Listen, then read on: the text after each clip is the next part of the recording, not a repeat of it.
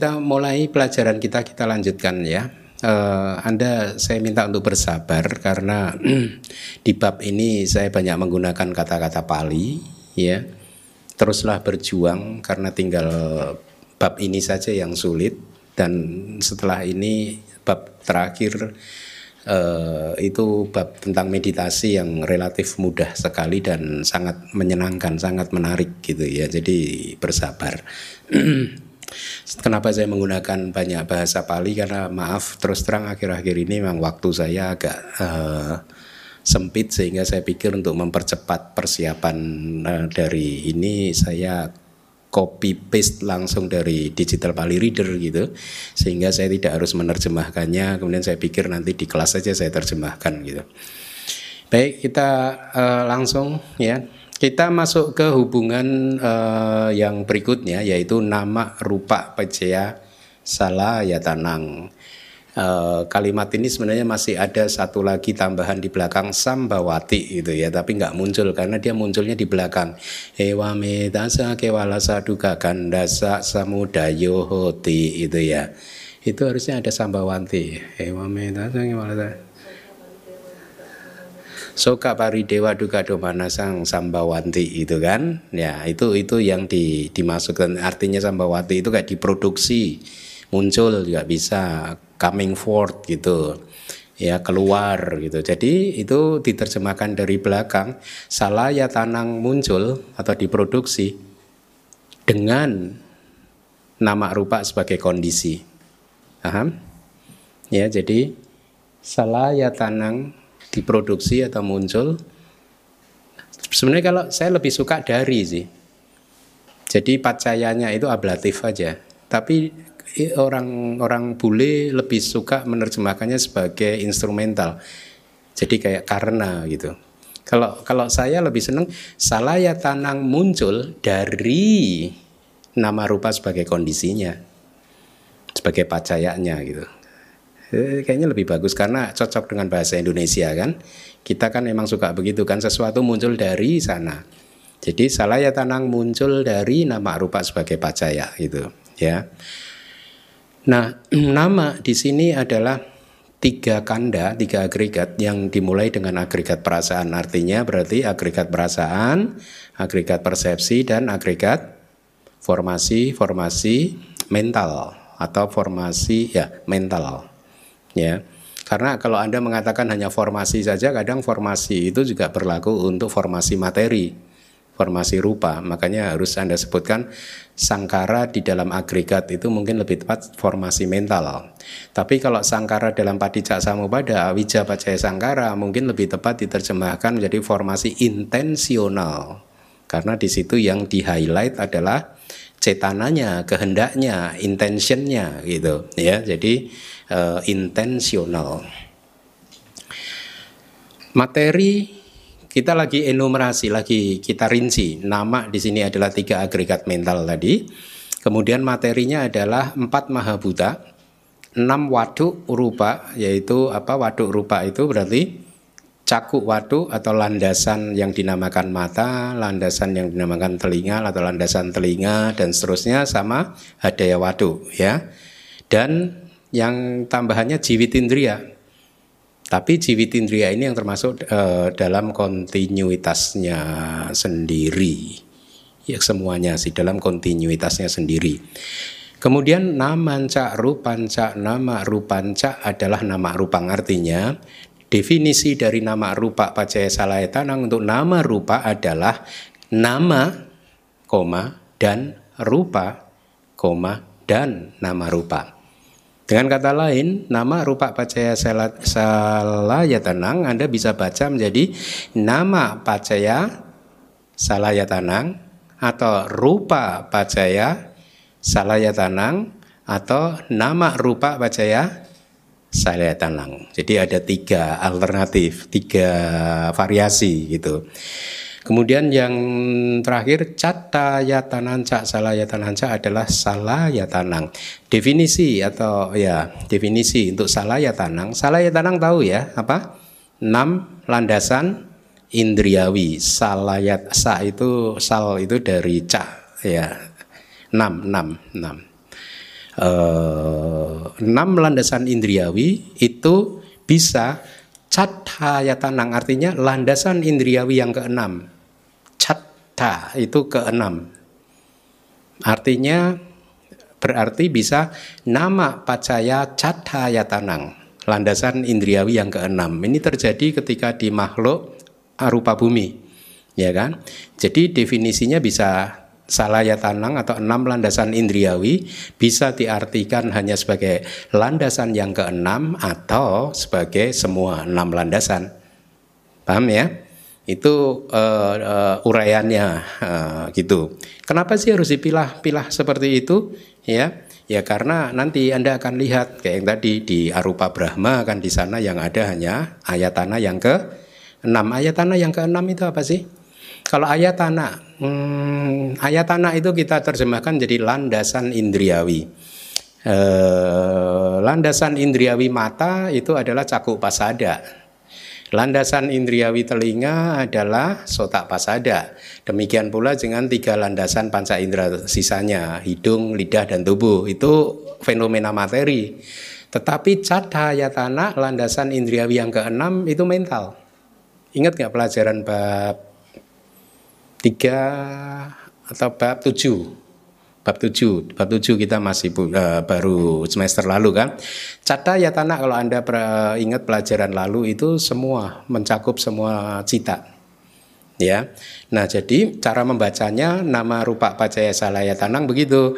Nama rupa itu bisa nama saja rupa saja atau nama rupa salaya tanang bisa cata ya tanang landasan indriawi yang keenam atau juga enam landasan indriawi semuanya ya. Sekarang kita akan coba bahas dulu jadi di, di diperinci dulu kalau nama sebagai kondisi ya, batin sebagai kondisi itu ya. Nama Bajaya Cathaya Ayatana yang keenyak, ayatana yang keenam ya. Jadi ini ini dari kitab sub, uh, kitab komentarnya. Bacanya dari belakang, ya tanang. Landasan indriawi yang keenam muncul dari batin sebagai kondisinya. Oke, jadi khusus landasan indriawi yang keenam muncul dari batin sebagai kondisinya. Terus tatasya bisa saja ditanyakan di sini itu katang ya panetang akan tetapi bagaimanakah hal ini diketahui bahwa nama rupa adalah kondisi untuk enam ayatana. Jawabannya adalah nama rupa bawi bawato karena perwujudan ayatana ada di dalam perwujudan nama rupa. Paham ya? Saya ulangi lagi. Jadi di sini bisa saja ditanyakan, akan tetapi bagaimanakah hal ini diketahui? Caranya bagaimana untuk mengetahui bahwa nama rupa adalah kondisi untuk enam ayatana?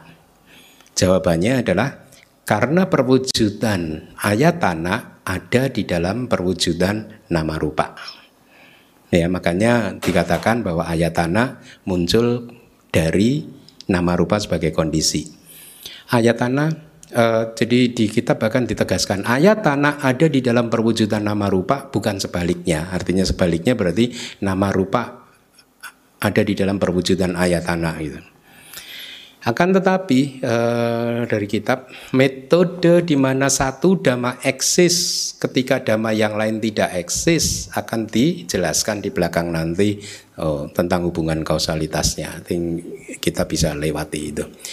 Selanjutnya Patik Sandi yang tawa. Pertama-tama di dalam Patik Sandi nama adalah sebuah kondisi untuk landasan indriawi atau ayat anak yang keenam minimal dalam tujuh cara yaitu Anda boleh catat saha jata bacaya anya manya bacaya anya menya bacaya nisaya bacaya sampayuta bacaya wipaka Bejaya, Adi Bejaya, dan Awigata Bejaya.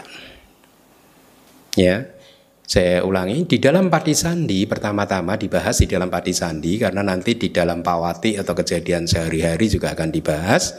Nama atau batin adalah sebuah kondisi untuk landasan indriawi yang keenam ya, yang keenam minimal dalam tujuh macam cara yaitu sahak jata satu dua anyak manyak bacaya kemudian ketiga adalah nisya bacaya keempat sampayuta bacaya kelima wipaka bacaya keenam adik bacaya dan ketujuh awigata bacaya ya tujuh itu Kemarin ditanya sama Aling, gimana kok nggak dijelaskan Bante? Nah maksud saya ini sudah dijelaskan. Lalu bagaimana Anda memahaminya?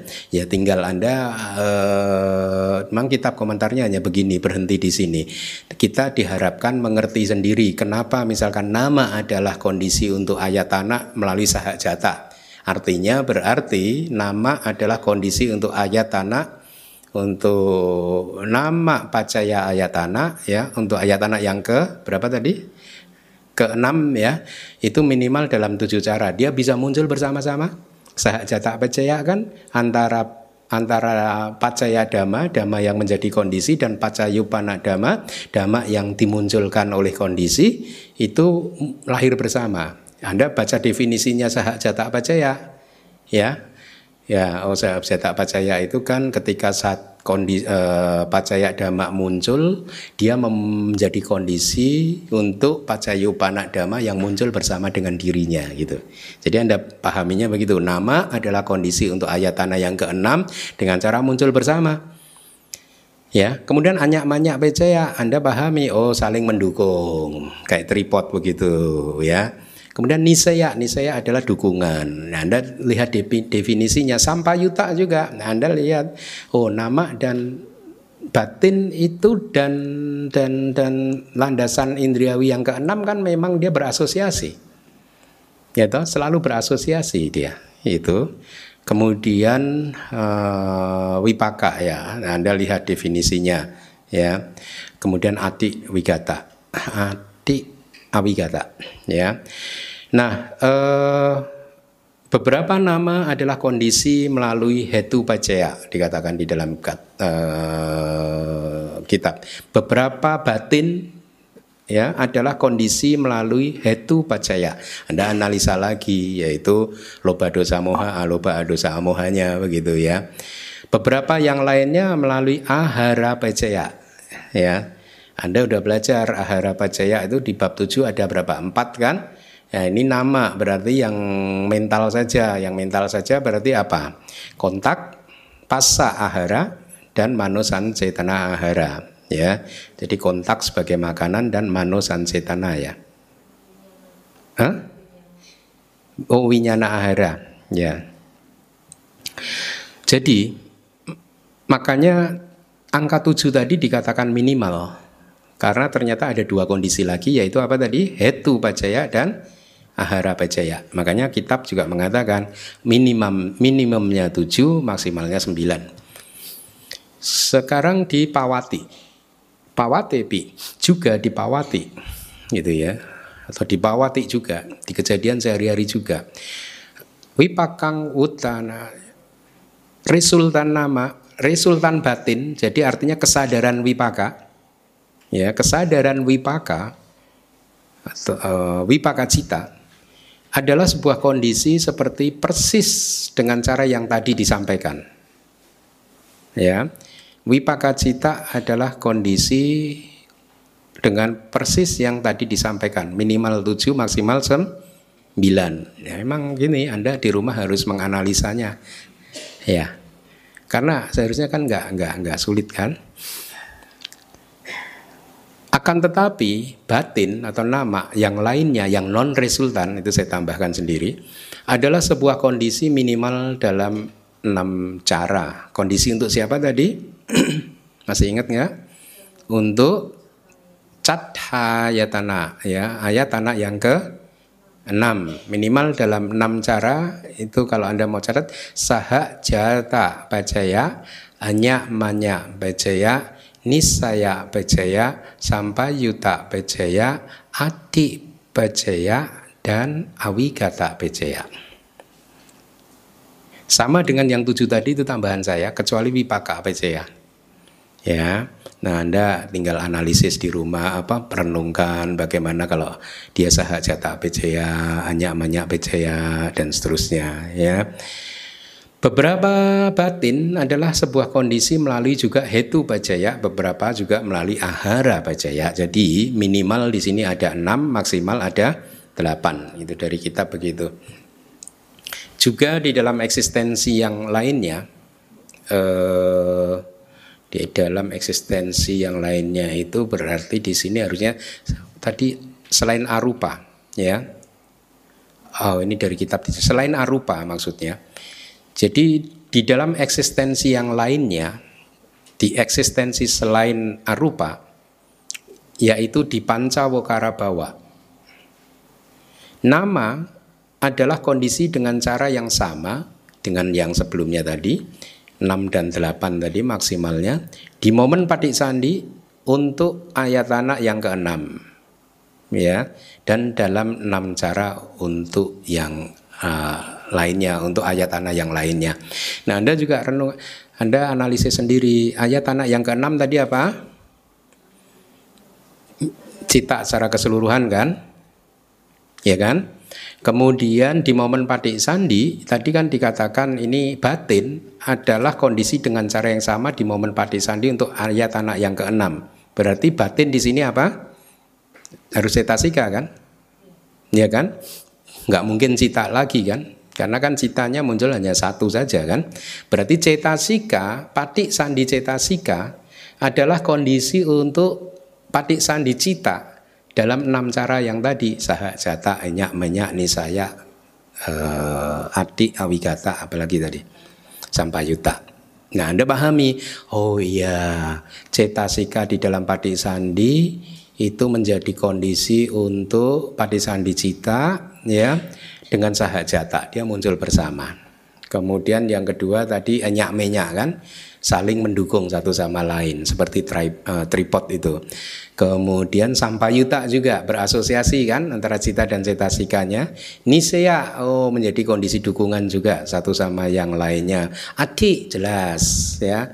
Adi itu kan ada, eksis. Awigata itu non disappearance tanpa kepergian. Nah, Anda pahaminya begitu. Nah, memang Anda harus belajar apa mengulang di rumah ya. Dengan Anda mengulang seperti itu, Anda akan mendapat gambaran yang lebih lengkap tentang bagaimana sih sebenarnya fenomena ini berproses. Ya. Oh, ternyata seperti itu tadi yang sudah saya sampaikan ya. Nah, uh,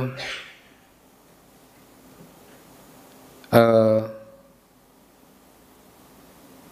di eksistensi Pancawokara Bawa, resultan nama ya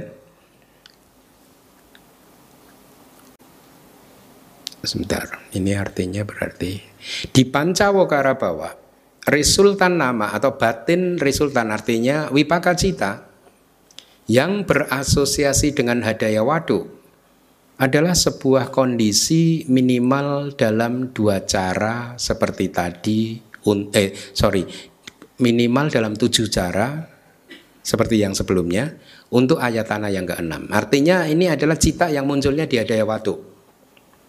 Ya, jadi semua cita yang munculnya di hadaya watu adalah kondisi untuk ayat tanah yang keenam, landasan indriawi yang keenam. Ini semua cetasika ya. Cetasika yang muncul di hadaya watu adalah kondisi untuk uh, citanya ya dengan tujuh cara seperti yang sebelumnya. Yaitu apa? Tujuh cara sahajata hanya menyak sampai yuta nisaya adi. Awigata satu lagi apa? Wipaka ya. Jadi itu ya tujuh cara itu. Selanjutnya akan tetapi resultan nama artinya batin resultan atau wipaka cita yang berasosiasi dengan catuk mahabuta empat elemen-elemen dasar yang besar itu menjadi kondisi untuk lima ayat tanah berarti landasan indriawi mata, telinga, hidung, lidah dan tubuh ya dalam enam model hubungan kausalitas yaitu sahajata, nisaya, wipaka, wipayuta, adi, awigata. Ini nama ke rupa ya? Uh, resultan nama nama ke ayat tanah lima ayat tanah yang indriawi yang tadi ayat tanah ke-6 tadi Hmm, ayat anak ke-6. Cek, untuk cita. Mana ayat tanah aja? Hmm? Ya, ya. Mana ayat anak? Untuk ayat anak ke-6. Istilahnya gitu di kitab Cada ayat anak, ayat anak yang ke-6. Kemudian di Pawati juga di dalam Pancawokara bawa juga. Pancawokara bawa itu ingat nggak sih? Itu makhluk yang mempunyai lima agregat. Ya, eksistensi yang memiliki lima konstituen. Dengan kata lain ini makhluk lima agregat karena kita mengenal makhluk empat agregat dan juga makhluk satu agregat kan. Di Pawati juga di dalam Pancawokara bawa di dalam eksistensi atau kelahiran kehidupan yang mempunyai konstituen lima itu terjemahan harfiahnya. Dengan kata lain ini merujuk kepada makhluk lima agregat seperti kita. Wipaka nama atau wipaka cita adalah sebuah kondisi minimal dalam tujuh cara untuk kembali cata yatana yang resultan tapi. Ya kan cata yatana atau landasan indriawi yang keenam itu kan e, cita kan 89 cita kan ini yang resultan ya akan tetapi batin yang non resultan adalah kondisi minimum dalam enam cara untuk cata yatana yang non resultan. Batin yang non resultan di sini apa? Cetasikanya. Karena cata yatananya kan citanya kan? Oke. Ya, Anda catat dulu. hmm? Hmm? Yang non nama yang non resultan Oh, non resultan ya, bukan yang wipaka ya. Adalah kondisi minimum dalam enam cara untuk ayatana yang keenam yang non resultan juga, bukan yang resultan. Berarti yang non resultan ya yang kusala, akusala, kiria. Bukan yang wipaka. Jadi cetasika dan citanya dengan enam cara. Kalau tadi yang wipaka kan tujuh ditambah wipaka. Wipaka baca ya, kalau yang bukan wipaka cita dan cetasika, berarti wipaka pecayanya dihilangin, hilangkan. Berarti tujuh kurangin satu kan? Tinggal enam.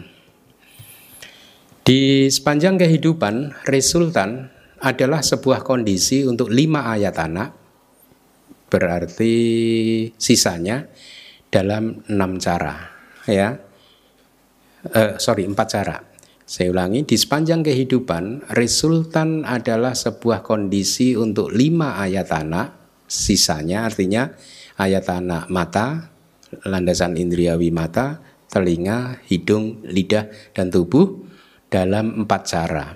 Ya, non resultan juga dijelaskan dalam empat cara juga, itu maksudnya.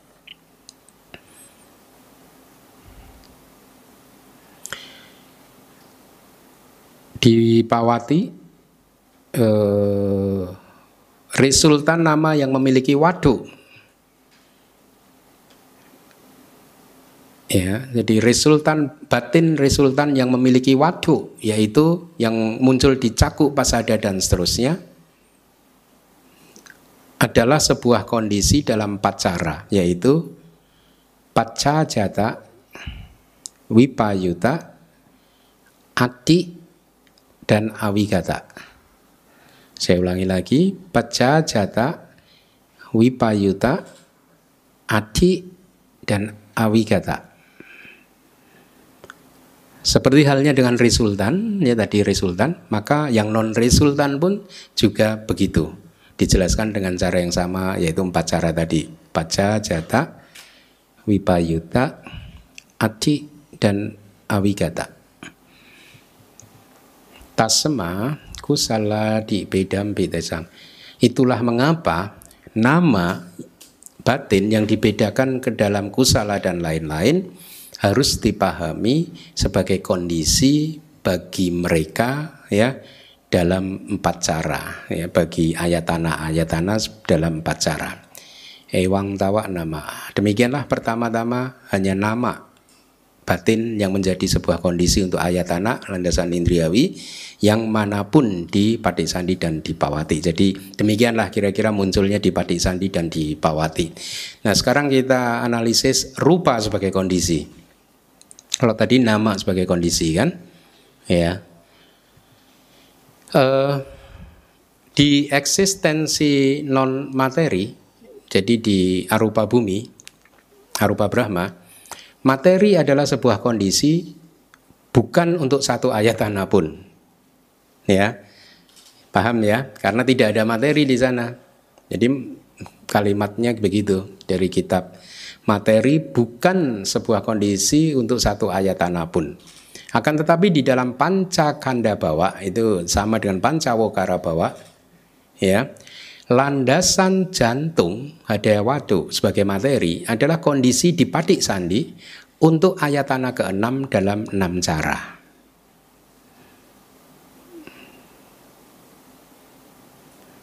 Enam caranya itu adalah sahak jata, enyak menyak, nisaya, uh, wipayuta. Hah? Bentar. Wipayuta Ya, ini kan rupa ke batin. Wipayuta. Dia kan rupa pacaya uh, cadaya tanah. Jadi ini adalah materi yang menjadi kondisi untuk kemunculan uh, patik sandi cita kan.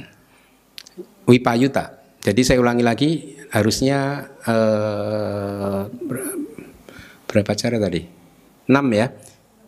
6 cara itu satu harusnya sahak jata dia harus muncul bersama kan? Toh, ada waduk dan patik sandi citanya itu kan muncul bersama kan? Kemudian anyak-manyak juga saling mendukung kan?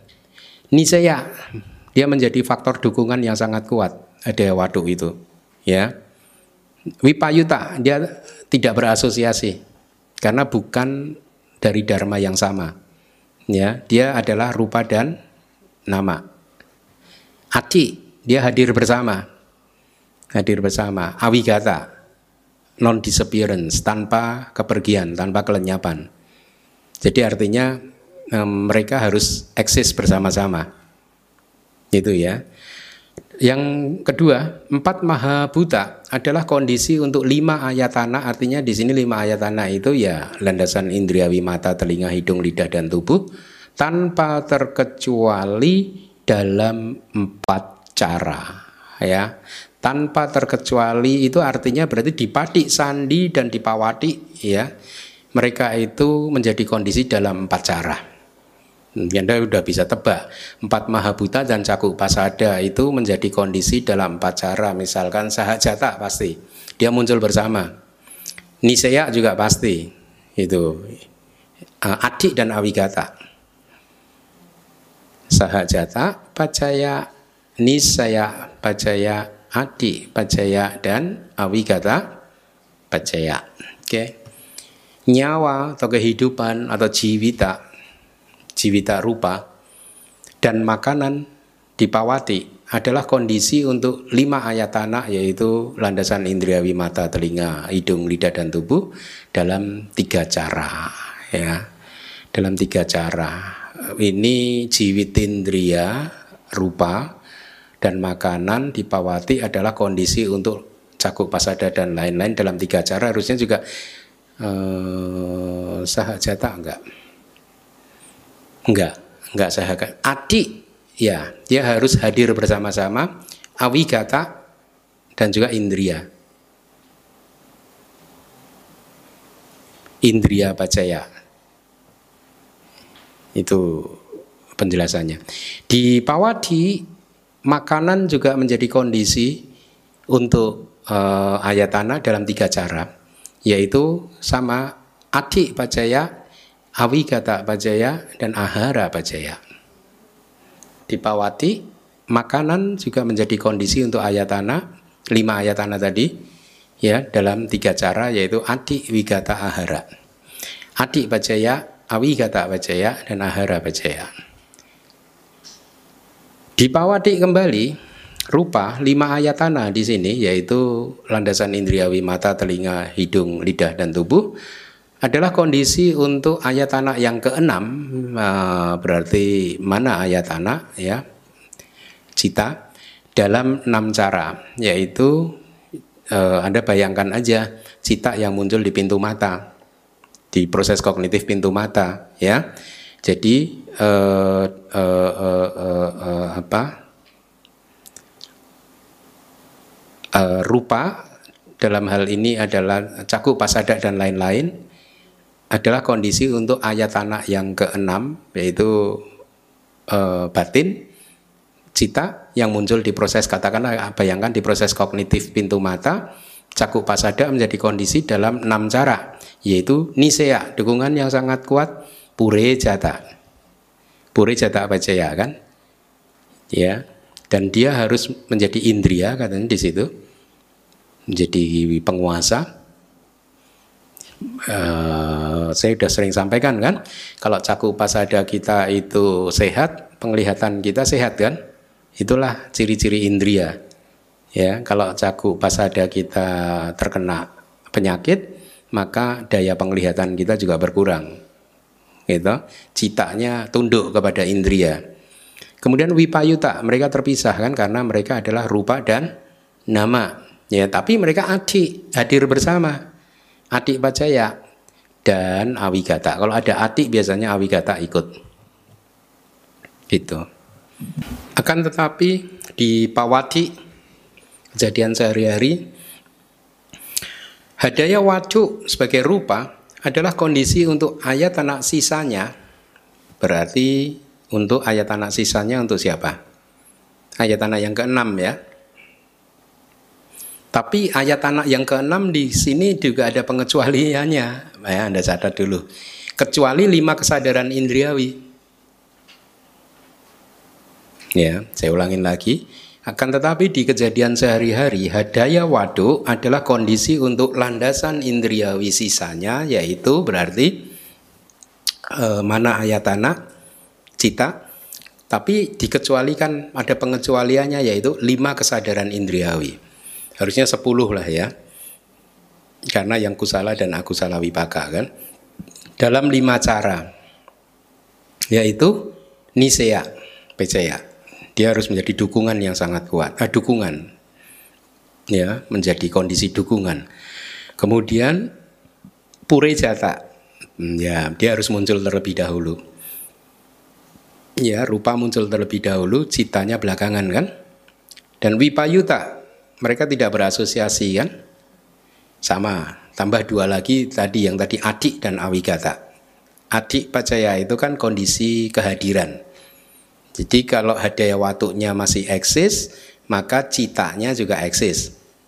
Kalau hadaya watuknya sudah nggak eksis, citanya juga nggak eksis. Jadi harus hadir bersama-sama begitu. Kemudian awigata non disappearance tanpa kepergian gitu saya terjemahkannya ya harusnya tanpa kelenyapan karena saya me mengikuti palinya sih awi gata gata itu gontu awi itu non semacam non ya a wi gata a ya wi gata jadi a itu tanpa wi gata itu saya terjemahkan kepergian tanpa kepergian artinya kalau nggak pergi nggak lenyap ya ini eksis gitu Demikianlah yang hendaknya dipahami untuk rupa saja sebagai kondisi di Padik Sandi dan di Pawadi. Kemudian Nomor tiga adalah nama rupa sebagai kondisi sekarang. Pertama-tama di Pati Sandi, di dalam Panca Wokara Bawa, makhluk yang memiliki lima agregat, nama rupa adalah kondisi untuk ayatana yang keenam dalam enam cara. Ya, jadi ini digabung nama dan rupa. Namanya di sini adalah ceta sika karena ayatana keenamnya cita. Ya, dalam enam cara yaitu saha jata satu, anyak manyak lagi, enyak menyak, anyak manyak. E, nisaya, wipaka, sampayuta, wipayuta, ati, awi kata kok tujuh? Saha jata, pejaya, Anya manya pejaya, nisaya pejaya, wipaka pejaya, sampayuta pejaya, wipayuta pejaya, adi pejaya awigata delapan. Ya, sorry. Yang enam itu salah berarti. Harusnya delapan. Karena yang yang palingnya itu kopas, copy paste. Harusnya nggak salah. Delapan cara ya. Jadi ini hanya intinya kira-kira begitu di kehidupan sehari-harinya bisa dipahami dengan menggabungkan apa yang sudah disampaikan. Jadi kitabnya begitu. Apa yang tadi disampaikan itu ditinggal Anda gabung-gabungkan gitu. Jadi selesai kita uh, nama rupa bajaya saraya tanang. Kita lanjutkan ya sedikit lagi ya biar cepat selesai. Salaya tanah bajaya paso. Kita masuk dalam hubungan yang berikutnya yaitu Salah ya tanah pajaya paso artinya paso atau pasak kontak muncul dari enam landasan indriawi sebagai kondisinya. Kontak muncul dari enam landasan indriawi sebagai kondisinya. Secara ringkas, kontak hanya ada enam yaitu cakuk sampasa dan lain-lain. Artinya cakuk sampasa itu kontak yang muncul di mata ya sotak sampasa kontak yang muncul di Hah? Iya, di kesadaran telinga. Kemudian eh, bukan, ini kontak kontak yang muncul di mata. Karena salah ya tanah, bukan kita eh, materinya, ya. Iya, kontak yang muncul di landasan indriawi mata. Ya sama sebenarnya, tapi pemahamannya karena kita konteksnya salah ya tanah percaya palsu, berarti ini kontak yang muncul di ayat tanah mata. Landasan indriawi mata itu kan cakup pasada, gitu, bukan kesadaran matanya. Ya, meskipun nggak salah, karena itu adalah kontak yang muncul. Nggak juga, bisa juga yang kontak yang muncul di uh, di kesadaran yang muncul di pintu mata. Ya.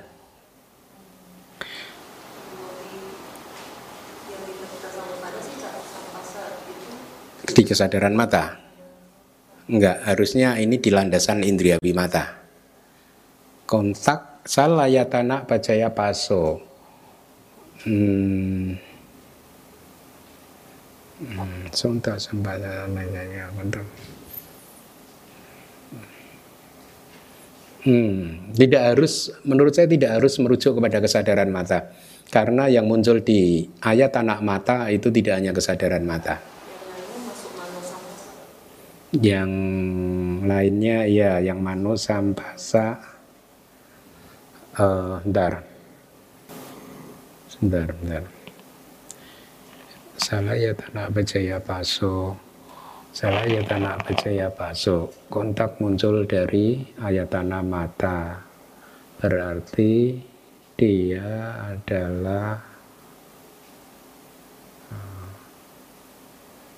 uh, oh ya ya. Di kesadaran mata kesadaran telinga dan seterusnya. Betul betul jadi saya ulangi lagi secara ringkas kontak hanya ada enam yaitu caku sampasa kontak yang muncul di kesadaran e, mata dan di kesadaran telinga, hidung, lidah, tubuh dan yang keenam yaitu manosampasa batin. Dengan detail mereka menjadi 32 seperti e, kesadaran artinya e, seperti kesadaran detail itu hmm, 32 ya uh, ahituka wipakusala.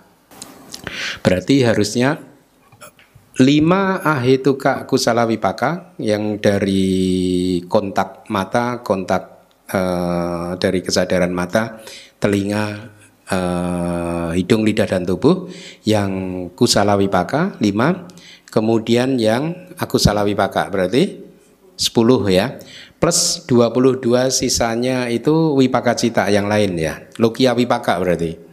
Ya.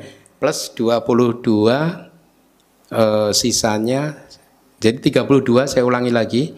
Harusnya ini adalah 5 ahituka kusala wipaka cita, 5 ahituka akusala wipaka ya. Itu berarti udah 10.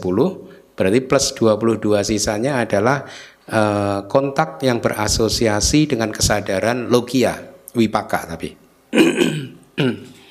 ya, yang wipaka. Logia yang wipaka itu apa? Dari ahituka masih ada lagi kan uh, tadi baru diambil 10 ya. Berarti ada lima lagi. 5 ahituka wipaka. Kemudian 8 mahawipaka berarti berapa? 13 ditambah 9 mahagata wipaka ya. E, didapat 32. Jadi kontak secara ringkas ada 6, secara detail ada 32 sesuai dengan wipaka cita. Logia wipaka cita. Oke. Beberapa orang yang bijaksana berpendapat enam ayatana adalah lima ayatana internal plus yang keenam. Ya, orang bijaksana yang lainnya berpendapat eh, enam ayatana adalah semua ayatana tersebut tadi di atas plus yang eksternal juga. Jadi dalam konteks ayatana pacaya paso di masa lalu terdapat split opinion. Ada guru yang menerjemahkan ini hanya khusus internal saja, tapi ada guru yang menerjemahkan juga ayatannya yang eksternal. Artinya apa?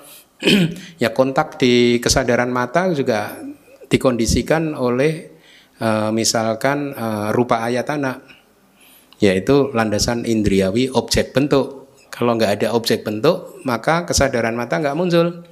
Begitu, ya saya nggak tahu. Harusnya ini dua-duanya dianggap benar ini harusnya. Kita lihat catatan saya. Pendapat yang pertama kondisi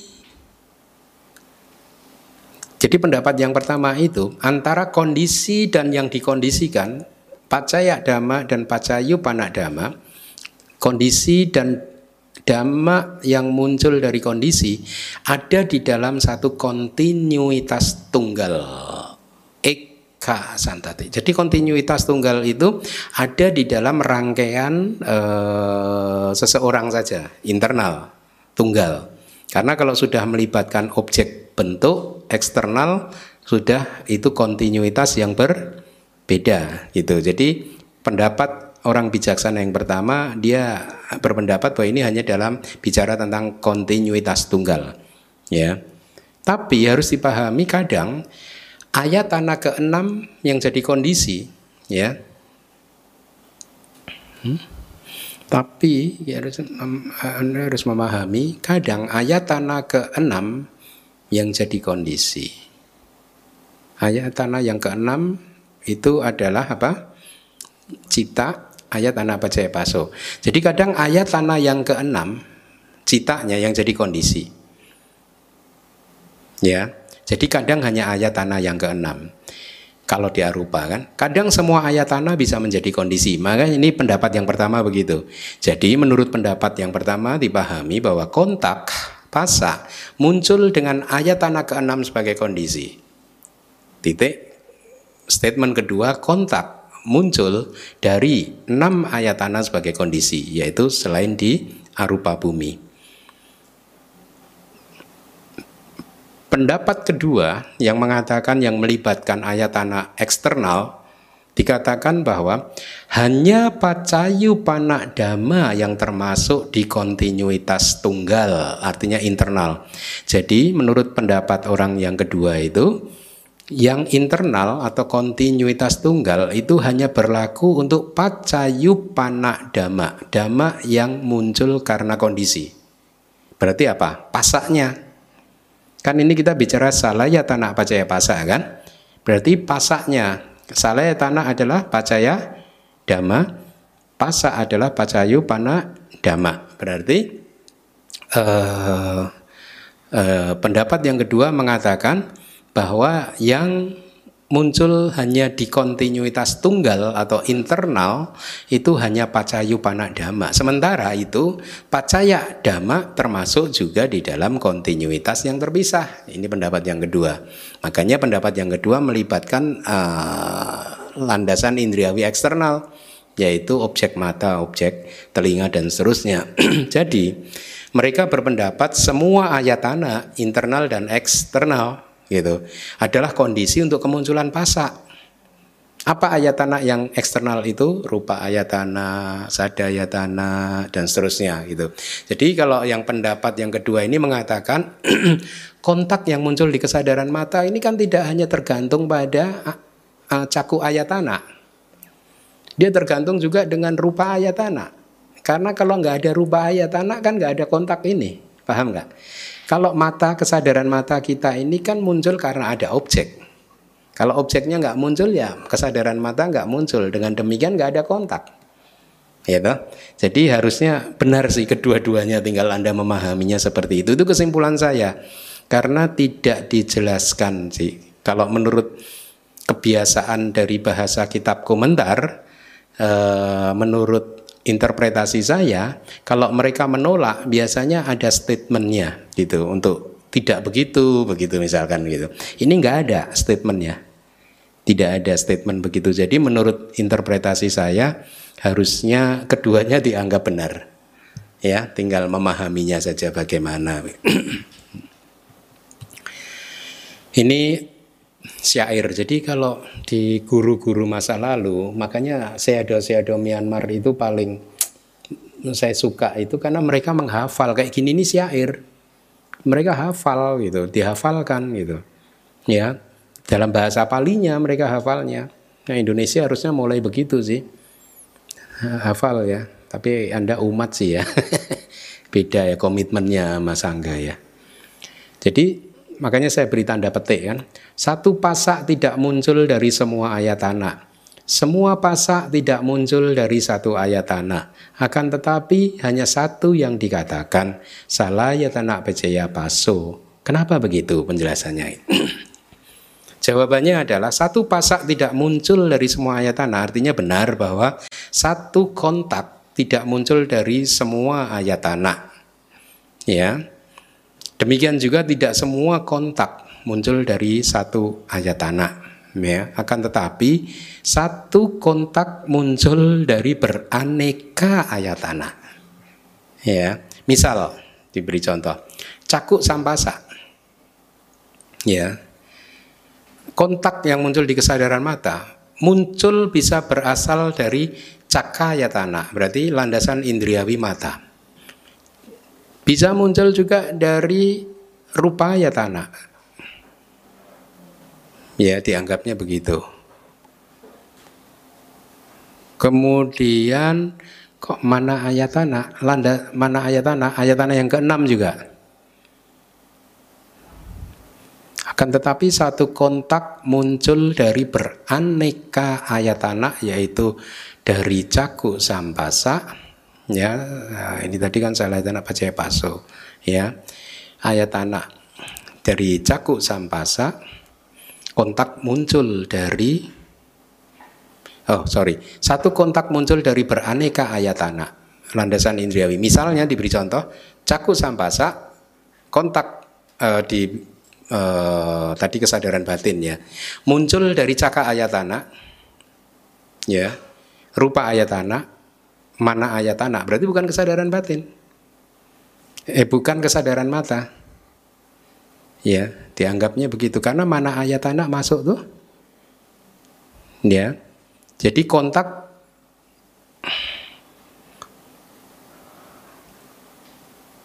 caku. Oh ya saya ulangi ya. Saya pelan-pelan saya, saya bacakan ya. Caku sampasa. Ya. Muncul bisa dari caku ayatana landasan indriawi mata. Bisa juga muncul dari rupa ayatana landasan indriawi objek bentuk bisa juga dari mana ayat anak. Hmm. dari mana ayat anak landasan indriawi batin. Oh berarti cakup winyana hmm. mana ayat anaknya adalah cakup winyana benar berarti? Benar benar benar. Betul confirm ya. Berarti cakup sampasanya cakup winyana karena mana ayat anaknya jadi cakup adalah cakup winyananya jadi saya ulangi lagi, satu kontak yaitu misalnya cakuk sampasa, artinya kontak yang muncul di kesadaran mata itu dikondisikan bisa dari landasan indriawi mata, bisa dikondisikan dari landasan indriawi objek bentuk, objek dari mata, bisa dikondisikan oleh mana ayatana landasan indriawi batin. Ya, landasan indriawi batinnya ini baru cakup winyana. Ya, confirm. Kemudian bisa juga dikondisikan dari dhamma ayatana. Ya. Dari dhamma ayatana, Anda ingat nggak dhamma ayatana? Landasan indria batin itu adalah semua yang belum termasuk dalam landasan indriawi lainnya. Berarti bisa suku marupa, e, cetasika, dan e, nibana ya.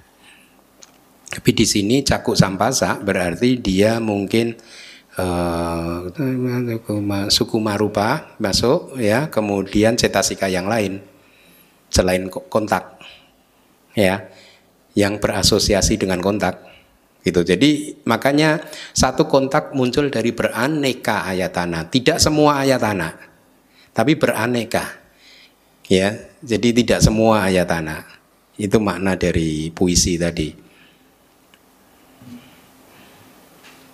Hmm, kemudian akan tetapi hanya satu yang dikatakan, oh, semua pasak tidak muncul dari satu ayat tanah juga itu mudah untuk dipahami, ya. Semua jenis kontak tentu tidak muncul hanya dari satu ayat tanah, kan? Jadi walaupun hanya dikatakan salah ya tanah pacaya pasak, itu, tapi Buddha menyatakannya bahwa kontak meskipun hanya satu kontak saja muncul dari beraneka ayat tanah, seperti tadi memahaminya ya. Kontak yang muncul di kesadaran mata, tok cetasika kontak, pasak cetasika yang muncul di kesadaran mata, dia bisa muncul karena dikondisikan oleh landasan indriawi mata satu, kemudian juga bisa landasan indriawi objek bentuk karena kalau nggak ada objek mata itu ya nggak muncul Kemudian juga dikondisikan tadi oleh mana ayat anak landasan indriawi batin. Dalam hal ini pasti baru confirm saya ya ingat ya. Ini berarti cakup winyana gitu. Kemudian juga bisa dari dhamma ayat anaknya. Itu suku marupa dan cetasikanya ya. Ya. Cetasika yang lainnya yang berasosiasi muncul bersama-sama dengan kontak di kesadaran mata gitu. Ya, jadi kesimpulan terakhirnya walaupun hanya dikatakan salah ya tanah percaya paso tapi Buddha menyatakannya bahwa kontak meskipun hanya satu saja kontak itu bisa muncul dari beraneka ayat tanah. Lima dalam enam cara kemudian satu dalam sembilan cara. Nah ini ini gini gini ini bante-bante Myanmar ini hebat.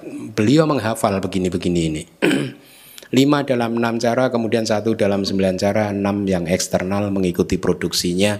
Demikianlah kondisionalitas kontak dikenali. Artinya lima ayat tanah itu adalah dalam enam cara. Lima ayat tanah berarti ayat tanah mata, telinga, hidung, lidah, dan tubuh. Itu rumusnya. Adalah kondisi uh, untuk kontak dalam enam cara yaitu nisaya pecaya, puri jata pecaya, ya karena materi harus muncul terlebih dahulu kan? Indria baca ya dia harus jadi indria wipayuta karena dia rupa dan nama beda jenis. Kemudian adik dan awigata. Saya ulangi nisaya becaya dua pure jata becaya tiga indria becaya wipayuta becaya adi becaya awigata becaya enam ya.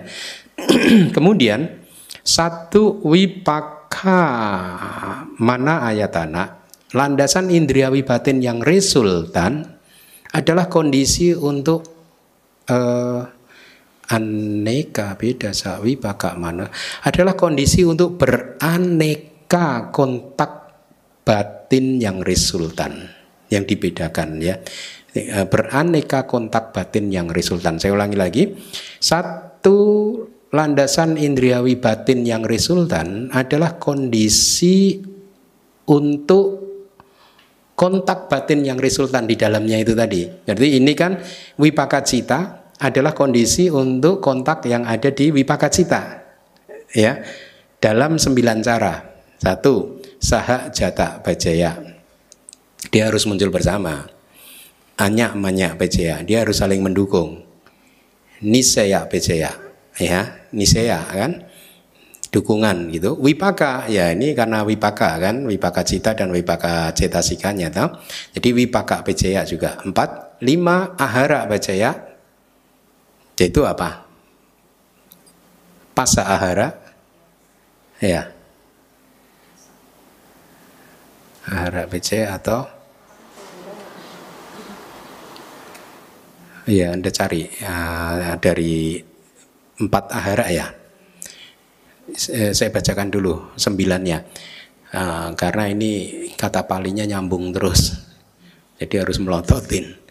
Sembilan cara adalah saha jata bajaya satu hanya banyak bajaya dua. Nisaya bajaya tiga. Wipaka bajaya empat. Ahara bajaya lima.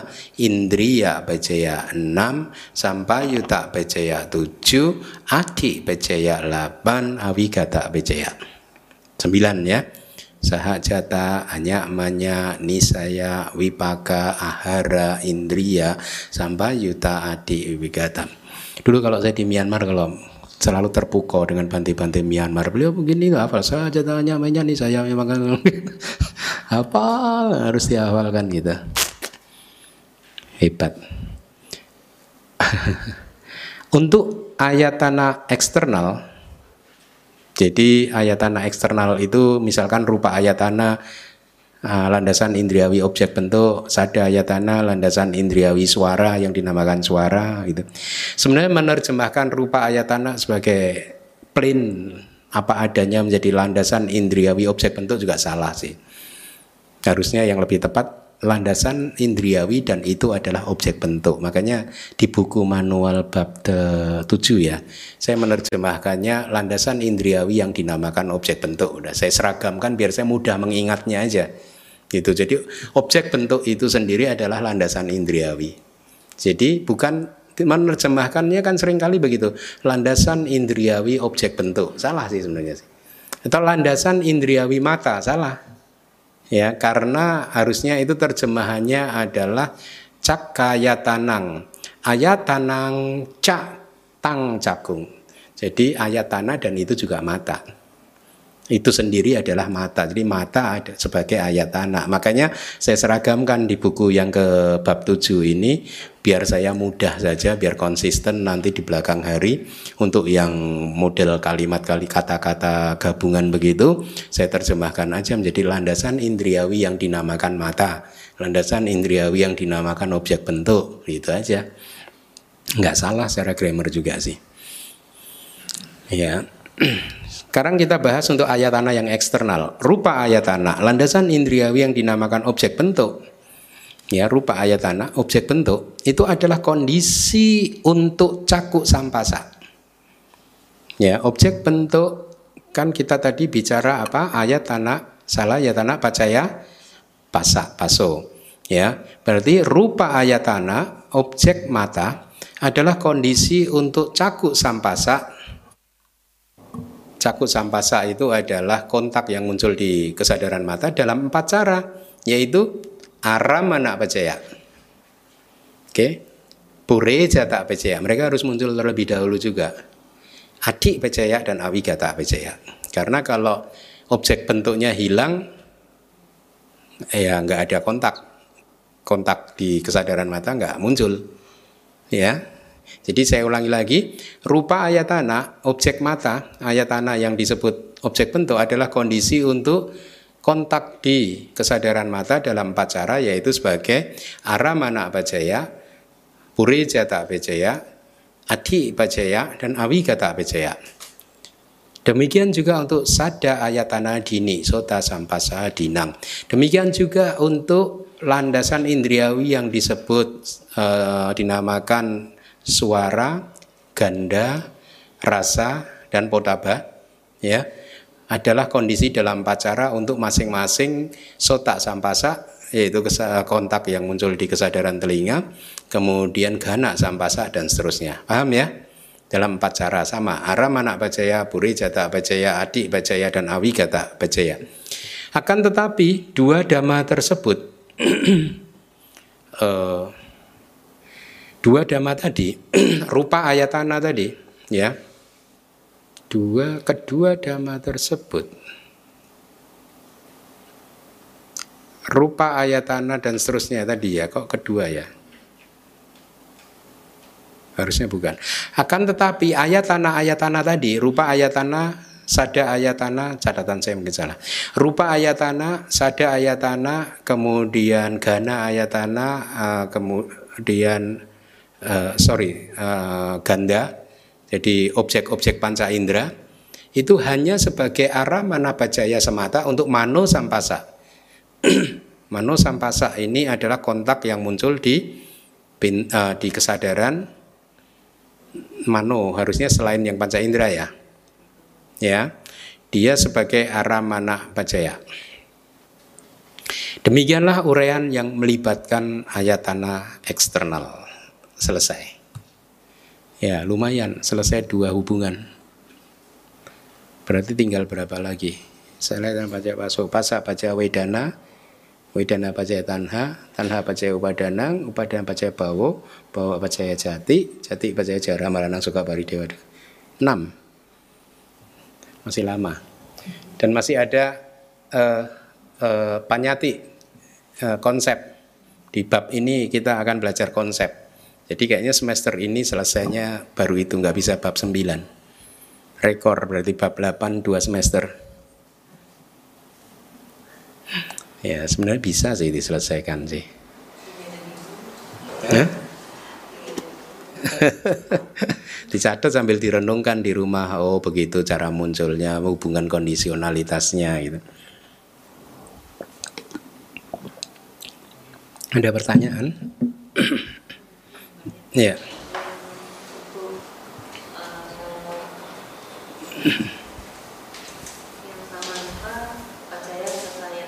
Bante. Hmm? Yang nama rupa Pacaya. Pacaya Cataya Tanah. Uh -huh. e, kalau waktu belajar di Paticca Samupada itu Cahaya Tanah itu kan hanya mencakup 32 wipaka cita. Uh -uh. Kalau di keterangan di sini tadi ada juga yang non resultan ya, Bante. Jadi maksudnya tidak hanya menjelaskan uh, itu aja yang untuk nah not sale gimana yeah. karena maaf saya sudah sampaikan kan kebetulan bab ini itu guru saya nggak mengajar dulu diambil alih itu oleh aduh jadi saya memang di bab ini tidak sempat belajar secara detail dengan guru saya. Hmm. ya di, kita lihat dulu. Makanya saya nggak begitu hafal. Kalau yang bab lain saya hafal oh. uh, handoutnya karena dulu belajar. Uh, handoutnya saya handout halaman 4 halaman 4 ya. Halaman 4 Hah? Gimana tadi? Hmm. Nama rupa pacaya salayatana itu untuk saya lihat nama pacaya paso oh, nama rupa ah. Uh, uh, uh, untuk mana ayat tanahnya itu main base kan Manaya Tanah itu hanya mencakup 32 uh, Lokia Wipaka. Tapi tadi ada penjelasan untuk yang non. salah aku uh, non resultan juga. Hmm. tadi mana? Uh, slide, slide nomor berapa? Nomor mana? Satu dari mana? Iya sih saya ingat, saya ingin saya lacak dari kitab komentarnya. Lima ya, lima dari judul Bante lima dari judul saya empat ya Padi Sandi Tawang Di dalam paling pertama nama ada sebuah kondisi untuk ayatan yang keenam minimal dalam beberapa nama adalah kondisi melalui itu baca ya. Jadi kontak nah. Jadi sekarang kita dapat minum. Enggak ada nggak ada yang non wipaka bukan yang ini kali. Ya, ya saya ingat sih tadi gitu. Mana yang non wipaka tadi? Bukan bukan slide itu ya. Ah, bahwa TT akan tetapi nama yang lainnya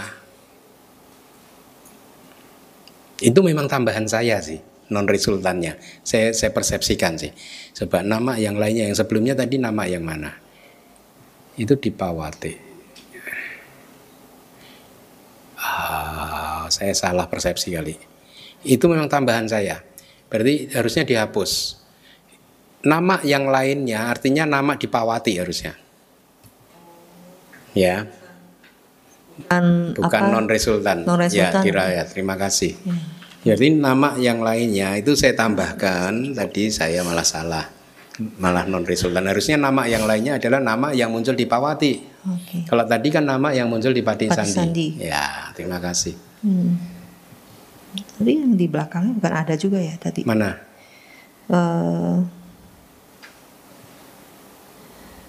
Mungkin tambahan saya. Yang mana? Oke. Saya Yang- lacaknya.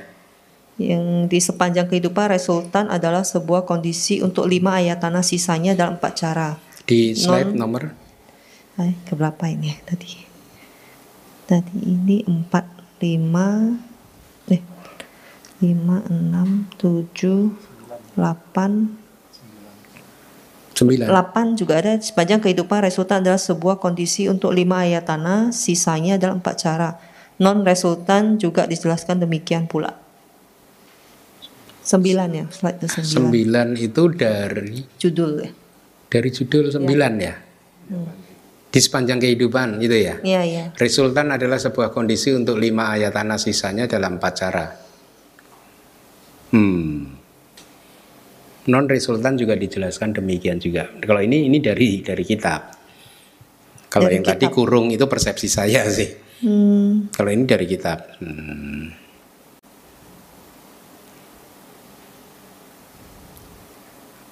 Iya, ini dari kitab. oke oh iya ya. ini lima ayat tanah ya beda ya Bante Mm-mm. Ini dari kitab.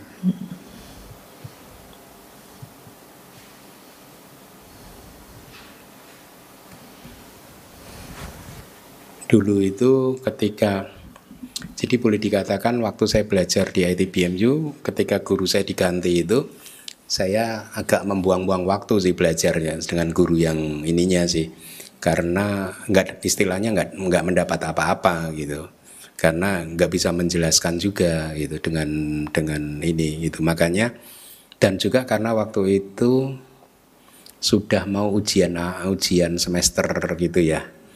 Jadi jadi saya nggak sempat mengejar guru saya secara detail gitu.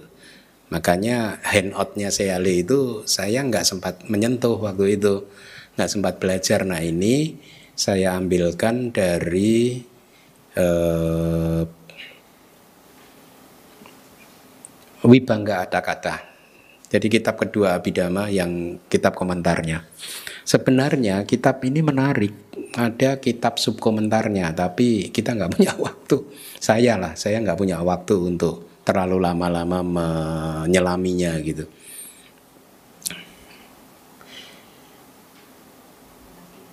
Iya. Makanya sebenarnya tadi saya juga bicara sama Pak Aris, yang termasuk tadi pagi yang saya sampaikan di pelantikan itu kan, mudah-mudahan DPS itu menjadi pabrik ya Pak Aris ya, pabrik yang mencetak kader istilahnya kader itu ya penerus-penerus yang sudah paham Abhidhamma juga paham Pali itu sempurna harusnya. Karena kalau Anda itu hanya paham Pali saja, nggak paham Abhidhamma, tetap akan kerepotan untuk membaca kitab komentar dan kitab subkomentar. Nah murid-murid Pali saya ini kebetulan mayoritas juga murid Abhidhamma, jadi mudah-mudahan nanti ada yang jadi. Kita lagi mencetak Pak Aris. Ya, dua tahun lagi mudah-mudahan produknya bisa diluncurkan. Target saya dua tahun, udah satu tahun berjalan sih.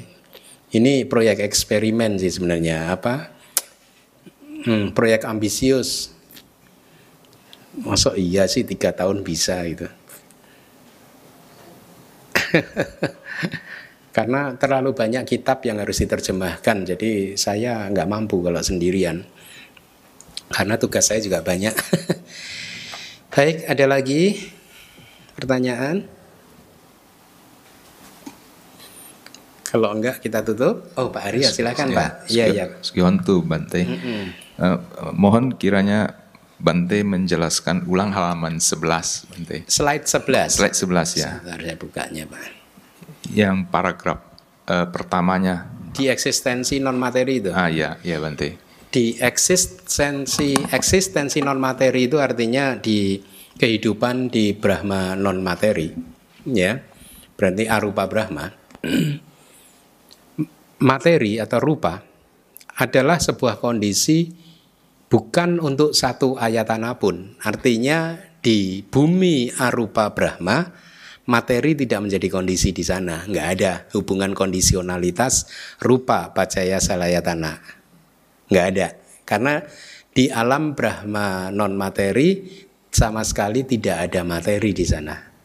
Ya, di sana uh, completely nggak ada materi.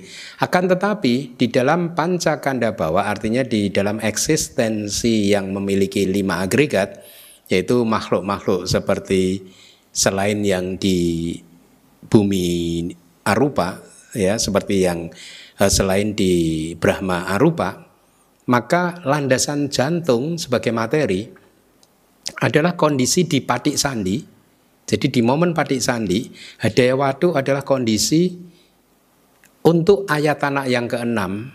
Ayat anak yang keenam berarti di sini patik sandi cita. Ya, dalam enam cara. Berarti di makhluk lima agregat seperti kita, hadaya watu sebagai materi karena hadaya watu adalah materi kan, memang dia memang harus materi kan. Bukan diterjemahkan oh yang sebagai materi kalau sebagai batin gimana gitu. Enggak ada waktu itu materi. Adalah kondisi di momen pati sandi untuk ayat anak yang keenam berarti pati sandi cita dalam enam cara. Ya enam caranya itu harusnya dia sahak jatak pacaya dia muncul bersama. Jadi saya uh, ulang lagi hadaya wadu adalah kondisi untuk pati sandi cita dalam enam cara yaitu harusnya sahak jatak pacaya dia muncul bersama-sama karena di momen pati sandi Momen pati sandi itu kan tiba-tiba aja satu momen itu dama-dama itu muncul kan. Pati sandi cita muncul, pati sandi cetasika, ada pati sandi cetasikanya. Kemudian kalau manusia berarti kaya dasaka, yaitu bahasa Indonesianya apa? Deka, deka tubuh, kemudian bawa dasaka, deka jenis kelamin, kemudian waduk dasaka, yaitu deka eh, landasan jantung itu kan muncul pada momen yang bersamaan. Tep itu muncul bersama-sama. Makanya pasti dia sahak jatak baca ya kondisi di mana antara keduanya lahir bersama. Sahak jatak itu lahir bersama muncul bersama. Kemudian dia pasti juga kalau di momen padik sandi itu anyak manyak saling mendukung kayak tripod gitu. Ya kayak tripod. Jadi artinya hadaya waduk mendukung padik sandi cita Sebaliknya Padik Sandicita juga mendukung Watu. Jadi antara kedua dharma ini saling mendukung supaya bisa kokoh berdiri tegak. Kayak kitab komentar mengilustrasikannya seperti ya ini tripodnya Wahyu ini. Gitu. Dia saat tiga kaki itu saling mendukung satu sama lain. Kemudian set, uh, apa tadi? Sahak jata dia harus muncul bersama kemudian anyak manyak dia harus saling mendukung kemudian ini saya percaya juga. Ya jadi hadiah waduk menjadi kondisi dukungan. Dia mendukung padik sandi cita gitu. Kemudian yang keempat adalah karena ini adalah materi hadiah waduk adalah materi padik sandi cita adalah cita dia harus wipayuta terpisah seperti kalau dicontoh di kelas lalu itu contohnya apa? Air dan minyak. Air dan minyak seolah-olah bersama-sama, bercampur seolah-olah tapi mereka terpisah sebenarnya. Ya, dia terpisah, tidak tidak bercampur, blended gitu enggak. Ya, dia adalah fenomena dua fenomena yang berbeda. Kemudian setelah uh, wipa apa tadi wipayuta harusnya atik juga atik pacaya pacaya atik itu kehadiran jadi dua-duanya harus hadir. Kalau ini hadir maka dia hadir. Kiranya begitu. Kalau satu hadir, hadiah waduk hadir, maka padik sandi cita di momen itu hadir. Kalau di momen itu tidak ada hadiah waduk, ya nggak ada kehidupan padik sandi citanya nggak muncul. Gitu. Kemudian yang enam ya, awigata. Awigata itu tanpa kepergian. Kalau hadiah waduknya nggak pergi, ya padik, padik sandi citanya muncul ah, dia hadir muncul gitu jadi sebenarnya semua pelajaran ini memang Anda harus semua harus mengulang di rumah sambil mengingat-ingat apa sih definisi sahak jatak pejaya, enyak menyak pejaya, nisaya pejaya itu definisinya bagaimana sih? Kemudian misalkan tadi ada ahara pejaya, sampayuta wipayuta pejaya, Anda buka lagi definisinya. Kalau Anda kebingungan dengan kelas-kelas saya yang terdahulu tentang definisi dari Hetu Bajaya, Aramana Bajaya, Adipati Bajaya, dan seterusnya, saya sarankan Anda baca bukunya Biku Bodi. Bisa ditemukan online Pak PDF-nya. Judulnya Comprehensive Manual of Abhidhamma. Kom CMOA biasanya saya menyingkatnya. CMOA Anda bisa dapatkan di internet PDF-nya. Saya nggak tahu melanggar hak cipta nggak itu. ya, CMO Comprehensive Manual of Abhidhamma by Biku Bodhi.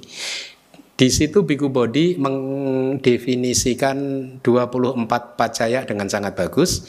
Pak Haryo bisa baca langsung di bab ke-8, bab ini tentang 24 pacaya, hetu pacaya. Biku Bodhi menerjemahkannya bagus, simple uh, karena memang dia harus concise kan. 9 bab hanya 300 halaman, enak sekali ya. Saya kadang pengen nih 9 bab 300 enak nih. Nggak harus capek. Hah? Udah telat. saya sering ya, aduh Kenapa saya nggak memilih kayak Biku Bodi dulu ya? 9 bab 300 halaman, Pak. Saya ini aja bab bab bab 7 ya. Bab 7 ini saya udah 430 nih.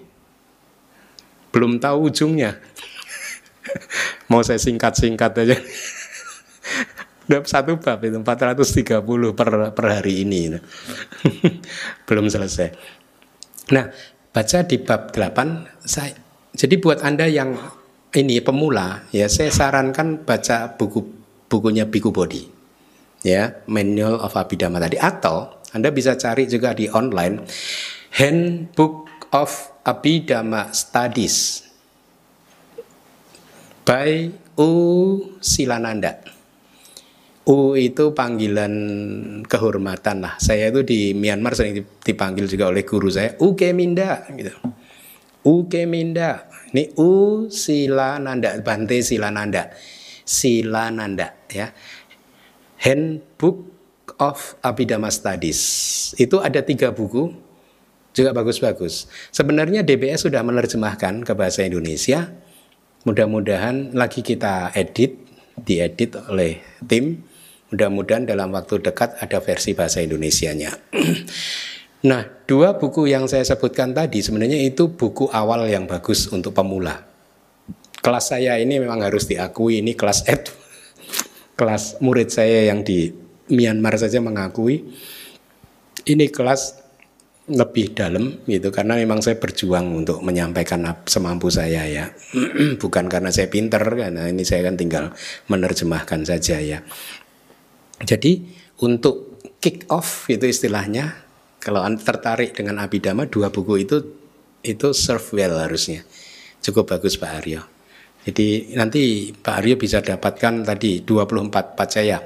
Misalkan tadi kita bicara sahak jatak pacaya definisinya bagaimana, hanya banyak pacaya. Nah sambil ditelusuri di situ. Karena Biku Bodi itu pinter untuk meringkas gitu. Gitu. Ya. Uh, atau kalau mau lebih detail lagi sedikit, Bante Silananda tadi, Handbook of Abhidhamma Studies. Uh, volume 1, 2, 3. Ada tiga volumes. Itu Ya, itu dulu pegangan saya juga sih waktu belajar. Justru ketika belajar di Myanmar saya nggak belajar seperti yang saya sampaikan di sini sebenarnya. Nggak sedetail ini. Karena waktu itu saya hanya S1 kan. S2 mungkin lebih detail mungkin. Gitu Pak Aryo. Jelas ya adik-adik ya. Ada lagi? Cukup ya?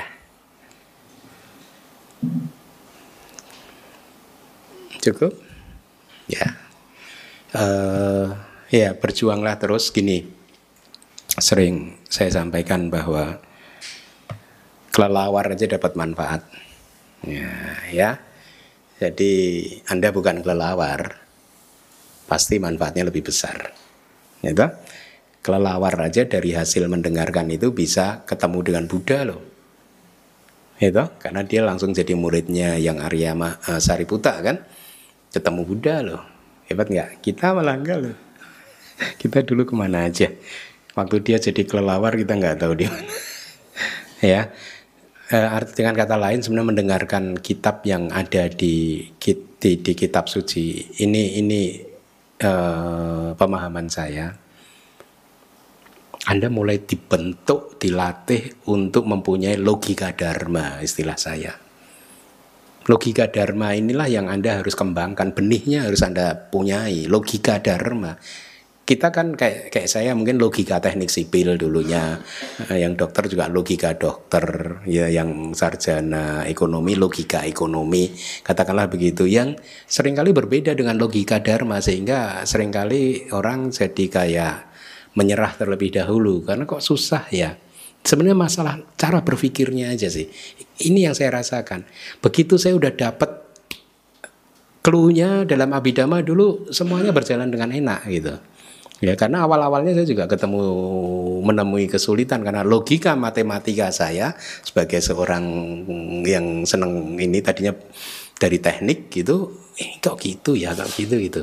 Tapi begitu dapat logikanya semuanya berjalan dengan lancar. Nah, yang ingin saya sampaikan adalah kadang logika-logika seperti itu bisa muncul dari berbagai kelahiran sebelumnya. Nah kita Anda semua harus berpikir bahwa ini bukan kelahiran Anda terakhir loh. Saya nggak yakin loh ini kawan.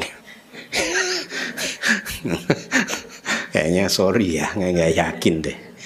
Masih Anda masih harus, saya aja masih harus lahir lagi. Gitu ya. Artinya harus berpikir dari banyak kehidupan. Ya, nah modal-modal ini kan harus Anda kumpulkan. Jadi dari mendengarkan dhamma begini Anda mengumpulkan modal untuk kelahiran-kelahiran ke depan juga. Yang lebih penting lagi ini adalah dari sekarang Anda sudah mulai dibentuk logika-logika dharma. Makanya kalau di kelas variati saya sana saya akan memberi ilustrasi begini. Ibaratnya di alam semesta ini ada seribu judul buku ibaratnya. Ya, dari seribu judul buku itu, tiga buku itu berjudul Winaya Pitaka, Suta Pitaka, dan Abhidhamma Pitaka. Ya, seribu judul buku ini, ya nanti selama dari seribu buku ini, selama ajaran Buddha itu masih eksis, bisa dipastikan tiga judul buku ini eksis. Di tahun kapan pun tahun 3000 nanti Anda lahir masuk lagi jadi manusia masih ketemu tiga judul buku ini. Paham maksud saya? Tahun 4000 katakanlah Anda masuk ke sini lagi masih ketemu tiga judul buku ini. Paham? Tahun 5000 mungkin Anda masih ketemu lagi. Kalau lahir lagi loh ya jadi manusia. Ketemu lagi. Nah, look, Anda kan sudah belajar AC warna apa ya? Asewa nak PCA itu kondisi pengulangan ya. Kondisi pengulangan itu adalah pengulangan yang kedua akan memperkuat pemahaman di yang berikutnya. Peng, kalau kita ulangi tiga kali, ya, ini akan memperkuat di pemahaman yang berikutnya. Karena Anda sudah mengumpulkan AC warna PCA di kehidupan sekarang, peng, kondisi pengulangan itu, maka 1000, 2000 tahun lagi Anda masuk ke alam manusia, Anda ketemu buku ini lagi. 997 buku yang lain belum tentu eksis loh. Paham nggak maksud saya? Ya, itulah mengapa kenapa saya sedang berjuang di Indonesia tadi pagi juga saya uraikan Pak Arya waktu pelantikan pengurus nih eh, saya sampaikan kondisi Indonesia mengharuskan saya untuk menjadi seolah-olah fanatik kitab suci. Saya bukan sebenarnya bukan orang yang fanatik kitab suci saya. Tapi kondisi Indonesia membuat saya harus seolah-olah memerankan sebagai seorang yang fanatik kitab suci. Kenapa? Karena saya ingin semua umat sadar dulu bahwa ini lo yang paling penting belajar kitab suci dulu gitu. Karena ini akan eksis nih. Tiga judul buku ini akan eksis terus ini. Kalau Anda dari sekarang nggak mau tiga judul buku ini, nanti di kelahiran-kelahiran berikutnya ya susah-susah lagi gitu.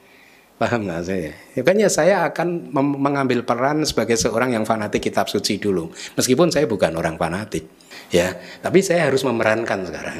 Karena saya ingin mendorong supaya kitab suci ini tersebar dulu uh, umat mempunyai kesadaran oh ya belajar kitab suci. Mumpung lahir sebagai manusia besok lagi belum tentu lahir sebagai manusia. Belum tentu lagi kalau lahir sebagai manusia bisa ketemu ajaran ini. Ini mumpung semua kondisinya sudah ada nih lahir jadi manusia ketemu ajaran maka manfaatkanlah sesu, sesulit apa pun, sesusah apa pun, manfaatkanlah waktu ini sebaik-baiknya karena buku ini akan selalu ada selama ajaran Buddha ada. Tapi kalau Anda belajar buku yang selain tiga ini, meskipun diberi judul ajaran Buddha, logika Anda berbeda. Ya, cara berpikirnya itu udah berbeda. Itu yang saya merasakan. Kenapa saya mengatakan begini? Sesungguhnya kan berasal dari pengalaman saya ketika menerima tamu-tamu yang tidak terbiasa di DBS. Logikanya berbeda loh Pak, Pak Haryo. Tokoh-tokoh padahal, artinya aktivis-aktivis yang sudah sejak kecil aktif, terkenal sampai tua, sering kan berkunjung ke sini diskusi dan saya merasakan perbedaan cara berpikir mereka dan cara berpikir murid-murid DBS. Makanya saya bisa mengatakan ini logikanya ini belum kebentuk nih cara berpikirnya ini yang belum kebentuk gitu. Ya. Jadi cara berpikir kitab sucinya belum ada. Nah, Anda sudah mulai kebentuk loh. Anda sudah mengerti nama rupa itu begini, satu jentikan jari itu satu triliun. Anda sudah mengerti hukum karma berlakunya seperti itu. Ada karma suportif, karma uh, produktif dan lain sebagainya gitu. Oh ternyata karma bisa ahosi misalkan gitu Pak. Anda sudah mengerti ini semua. Nah belum tentu yang lain tahu loh. Dan Anda mungkin udah tahu tentang proses kognitif, yang lain belum tahu. Cara berpikirnya jadi beda sekali gitu. Nah makanya saya harus memerankan untuk saat ini seolah-olah sebagai orang yang fanatik kitab suci. Demi manfaat siapa banyak orang sih sebenarnya sih. Demi manfaat uh, siapa pun yang mempelajarinya sih. Uh, karena saya kadang kasihan sih. Kasihannya kenapa? Karena saya ini termasuk orang yang terlambat kan mengenal ajaran Buddha Pak Arya. Terlambat. Ya, tetapi saya bersyukur karena saya jatuh di tangan guru yang benar waktu belajar di Myanmar itu sehingga saya merasa mendapatkan apa yang saya butuhkan dan saya cari gitu ya. Tetapi di sisi yang lain ketika mendapat tamu-tamu begitu itu tadi yang notabene sejak lahir sudah beragama Buddha, sampai umur 60-70 masih nggak paham apa-apa. Coba menurut saya dia membuang satu kehidupan dari kecil udah beragama Buddha, sejak lahir udah beragama Buddha, umur 60-70 masih nggak paham apa-apa. Dia membuang satu kehidupan belum tentu. Makanya kalau di kelas pariyati sasana itu kan saya bilang hei hati-hati loh. Untuk lahir lagi seperti anda seperti hari ini seperti saat ini anda ini saat ini. Meskipun anda nggak suka nih kalau saya make joke gitu. Meskipun anda nggak suka nih dengan kehidupan anda yang sekarang ini itu pun untuk dapat lagi susah. Meskipun nggak suka loh. Susah untuk dapetin lagi. Jadi jangan disia-siakan gitu gitu. Makanya saya akan selalu mendorong siapa, ayo belajar kitab suci, ayo belajar kitab suci gitu. Nanti ada orang yang kan langsung meditasi, iya kalau anda meditasi terus sih nggak usah belajar kitab suci. Cuman masalahnya kan anda kalau nggak belajar ke mall, repotnya gitu ke teater nonton bioskop ngerumpi dengan orang teman-temannya arisan Nah malah, malah ini kan ya, ya tuh. Jadi jadi eh, meskipun anda kesulitan teruslah belajar. Karena logika anda akan pelan-pelan. Satu hari nanti akan berbuah. Satu hari nanti, ya bisa kehidupan saat ini bisa seribu kelahiran ke depan. bisa kurang bisa lebih. Ya tapi pasti saya yakin itu berbuah saya yakin itu berbuah. Karena konfirmasi itu datanya ada banyak. Konfirmasi dari teman-teman saya itu eh, datanya banyak. Bahwa eh, ya begitulah. Mereka yang sudah meniti karir di pariyati di kehidupan lampau sekarang banyak yang sudah memetik. Memetik hasilnya dari teman-teman saya itu.